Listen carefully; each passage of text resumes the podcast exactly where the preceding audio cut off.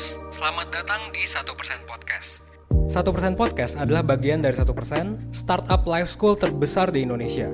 Dalam podcast ini kita bakal ngebahas topik-topik seputar kesehatan mental, pengembangan diri, serta edukasi life skills dengan tamu yang handal di bidangnya. Kami ingin kamu untuk bisa mendapatkan insight baru dan berkembang seenggaknya 1% setiap harinya. So that's all. Enjoy 1% podcast untuk hidup seutuhnya.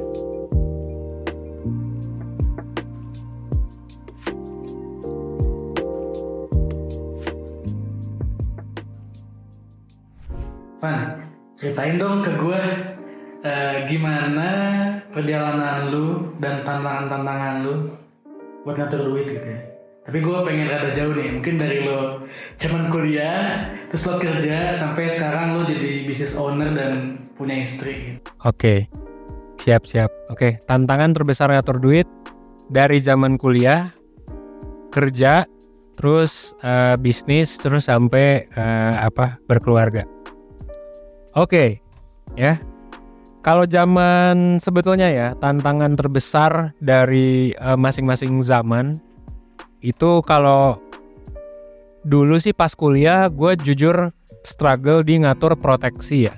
Jadi proteksi itu jadi zaman kuliah tuh sebetulnya kan uh, untungnya adalah gue masih ada orang tua. Nah cuman di 2017 uh, salah satu orang tua gue bapak gue tuh stroke kan dan stroke-nya tuh lumayan parah guys. Jadi uh, eh, gue waktu itu memang dipaksa untuk pertama bayar kuliah sendiri, gitu ya.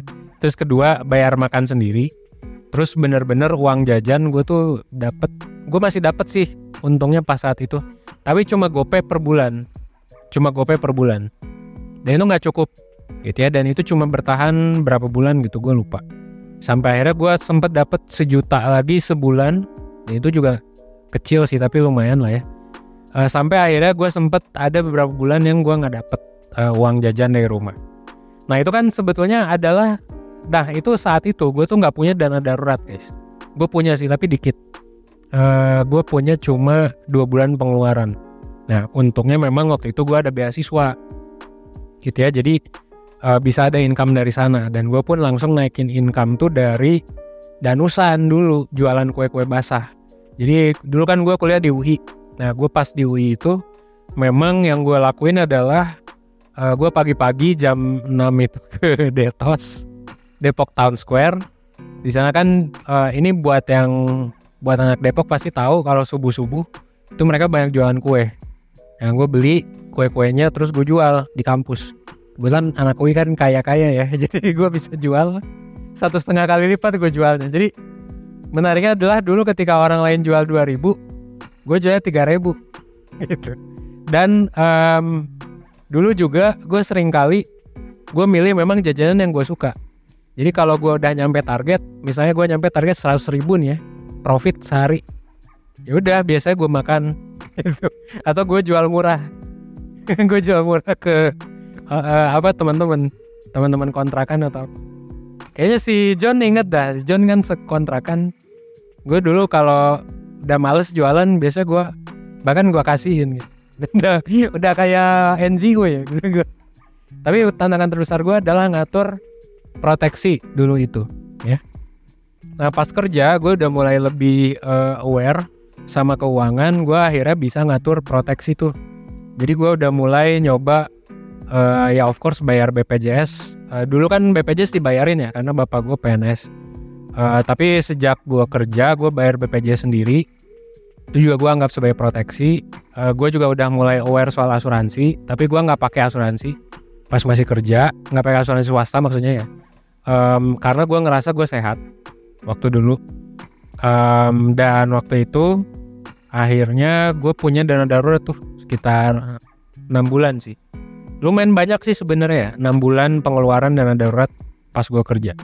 Kayaknya lebih banyak daripada kebanyakan teman-teman gue sih. Tapi basically kerjaan gue dulu spendingnya frugal banget ya. Frugal banget banget banget sih. Itu jadi uh, eh, gue ke kantor juga naik KRL kosan gue waktu itu kontrakan gue kan cuma lima ribu per bulan. Tapi layak sih guys ya. Nggak yang tidak layak gitu. Um, makan juga gue di tempat yang ya warteg dan lain sebagainya. Ya jadi kalau pas kerja sih gue masih udah udah lumayan eh, oke tuh proteksinya. Tapi yang belum oke adalah investasi karena gue belum belajar samsek nah pas bisnis nah ini pas bisnis gue memang dipaksa nih kan untuk gue ngatur keuangan. Nah di sini gue langsung belajar tentang semua rasio keuangan ya. Jadi pas berbisnis tuh memang keuangan gue aman banget karena gue dulu tuh tinggal di kantor guys. Ya jadi gue nggak ada biaya kosan nggak ada biaya apa. Bener-bener gue tinggal di kantor bangun langsung kerja. Sampai malam tidur bangun kerja lagi. Gitu. Jadi gitu aja terus selama sekitar eh, sekitar dua tahun.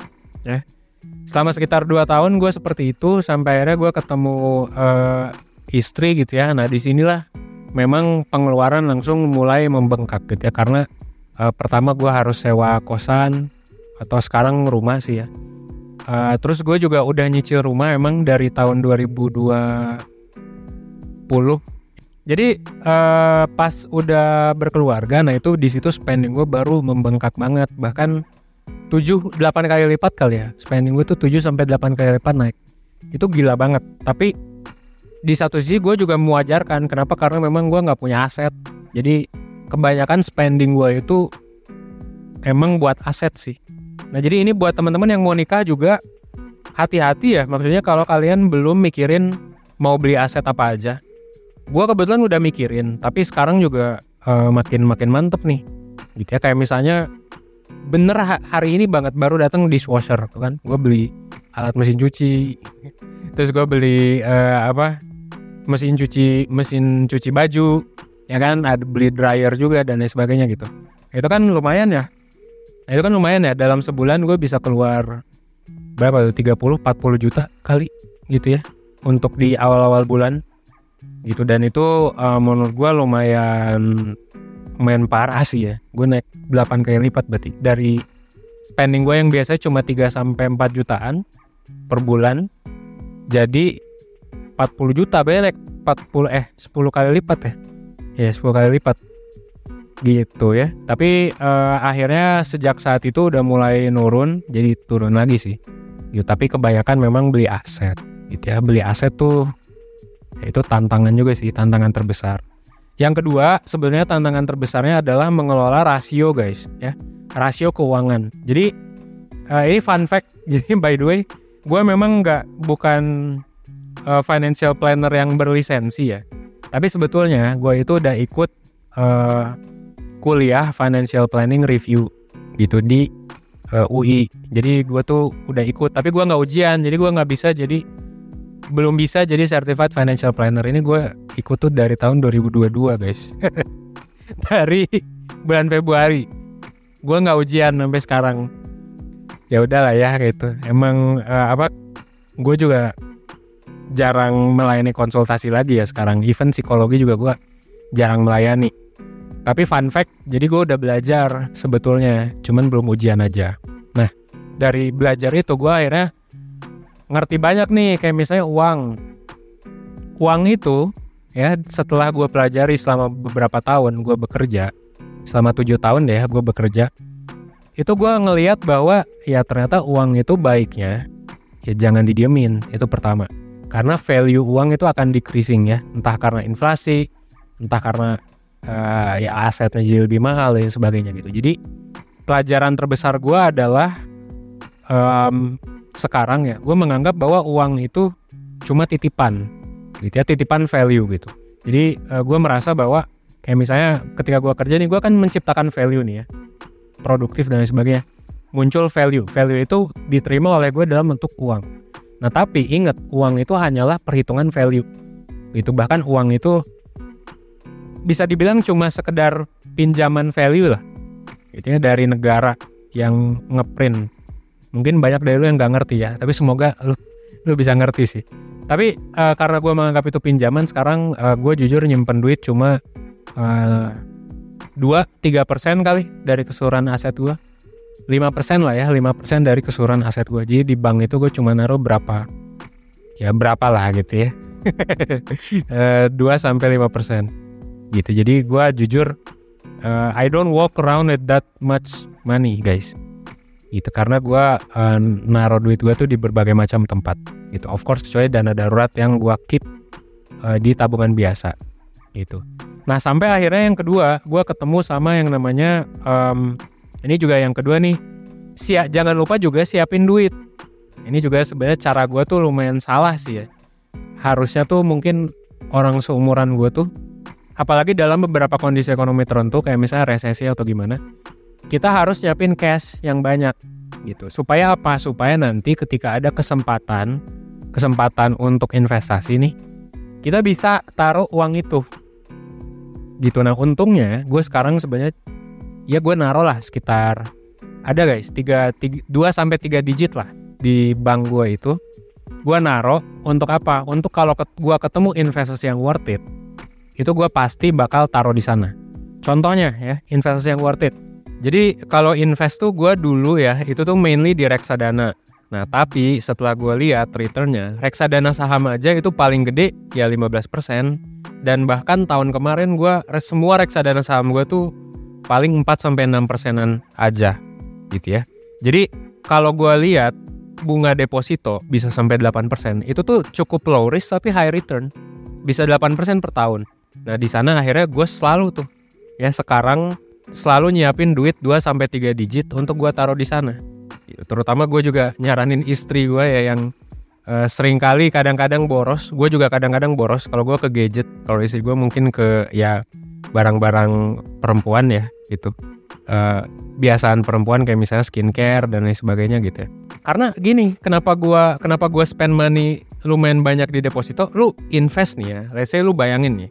Lu invest let's say 200 juta di deposito kalau bunganya 8%, lo bisa dapat berapa?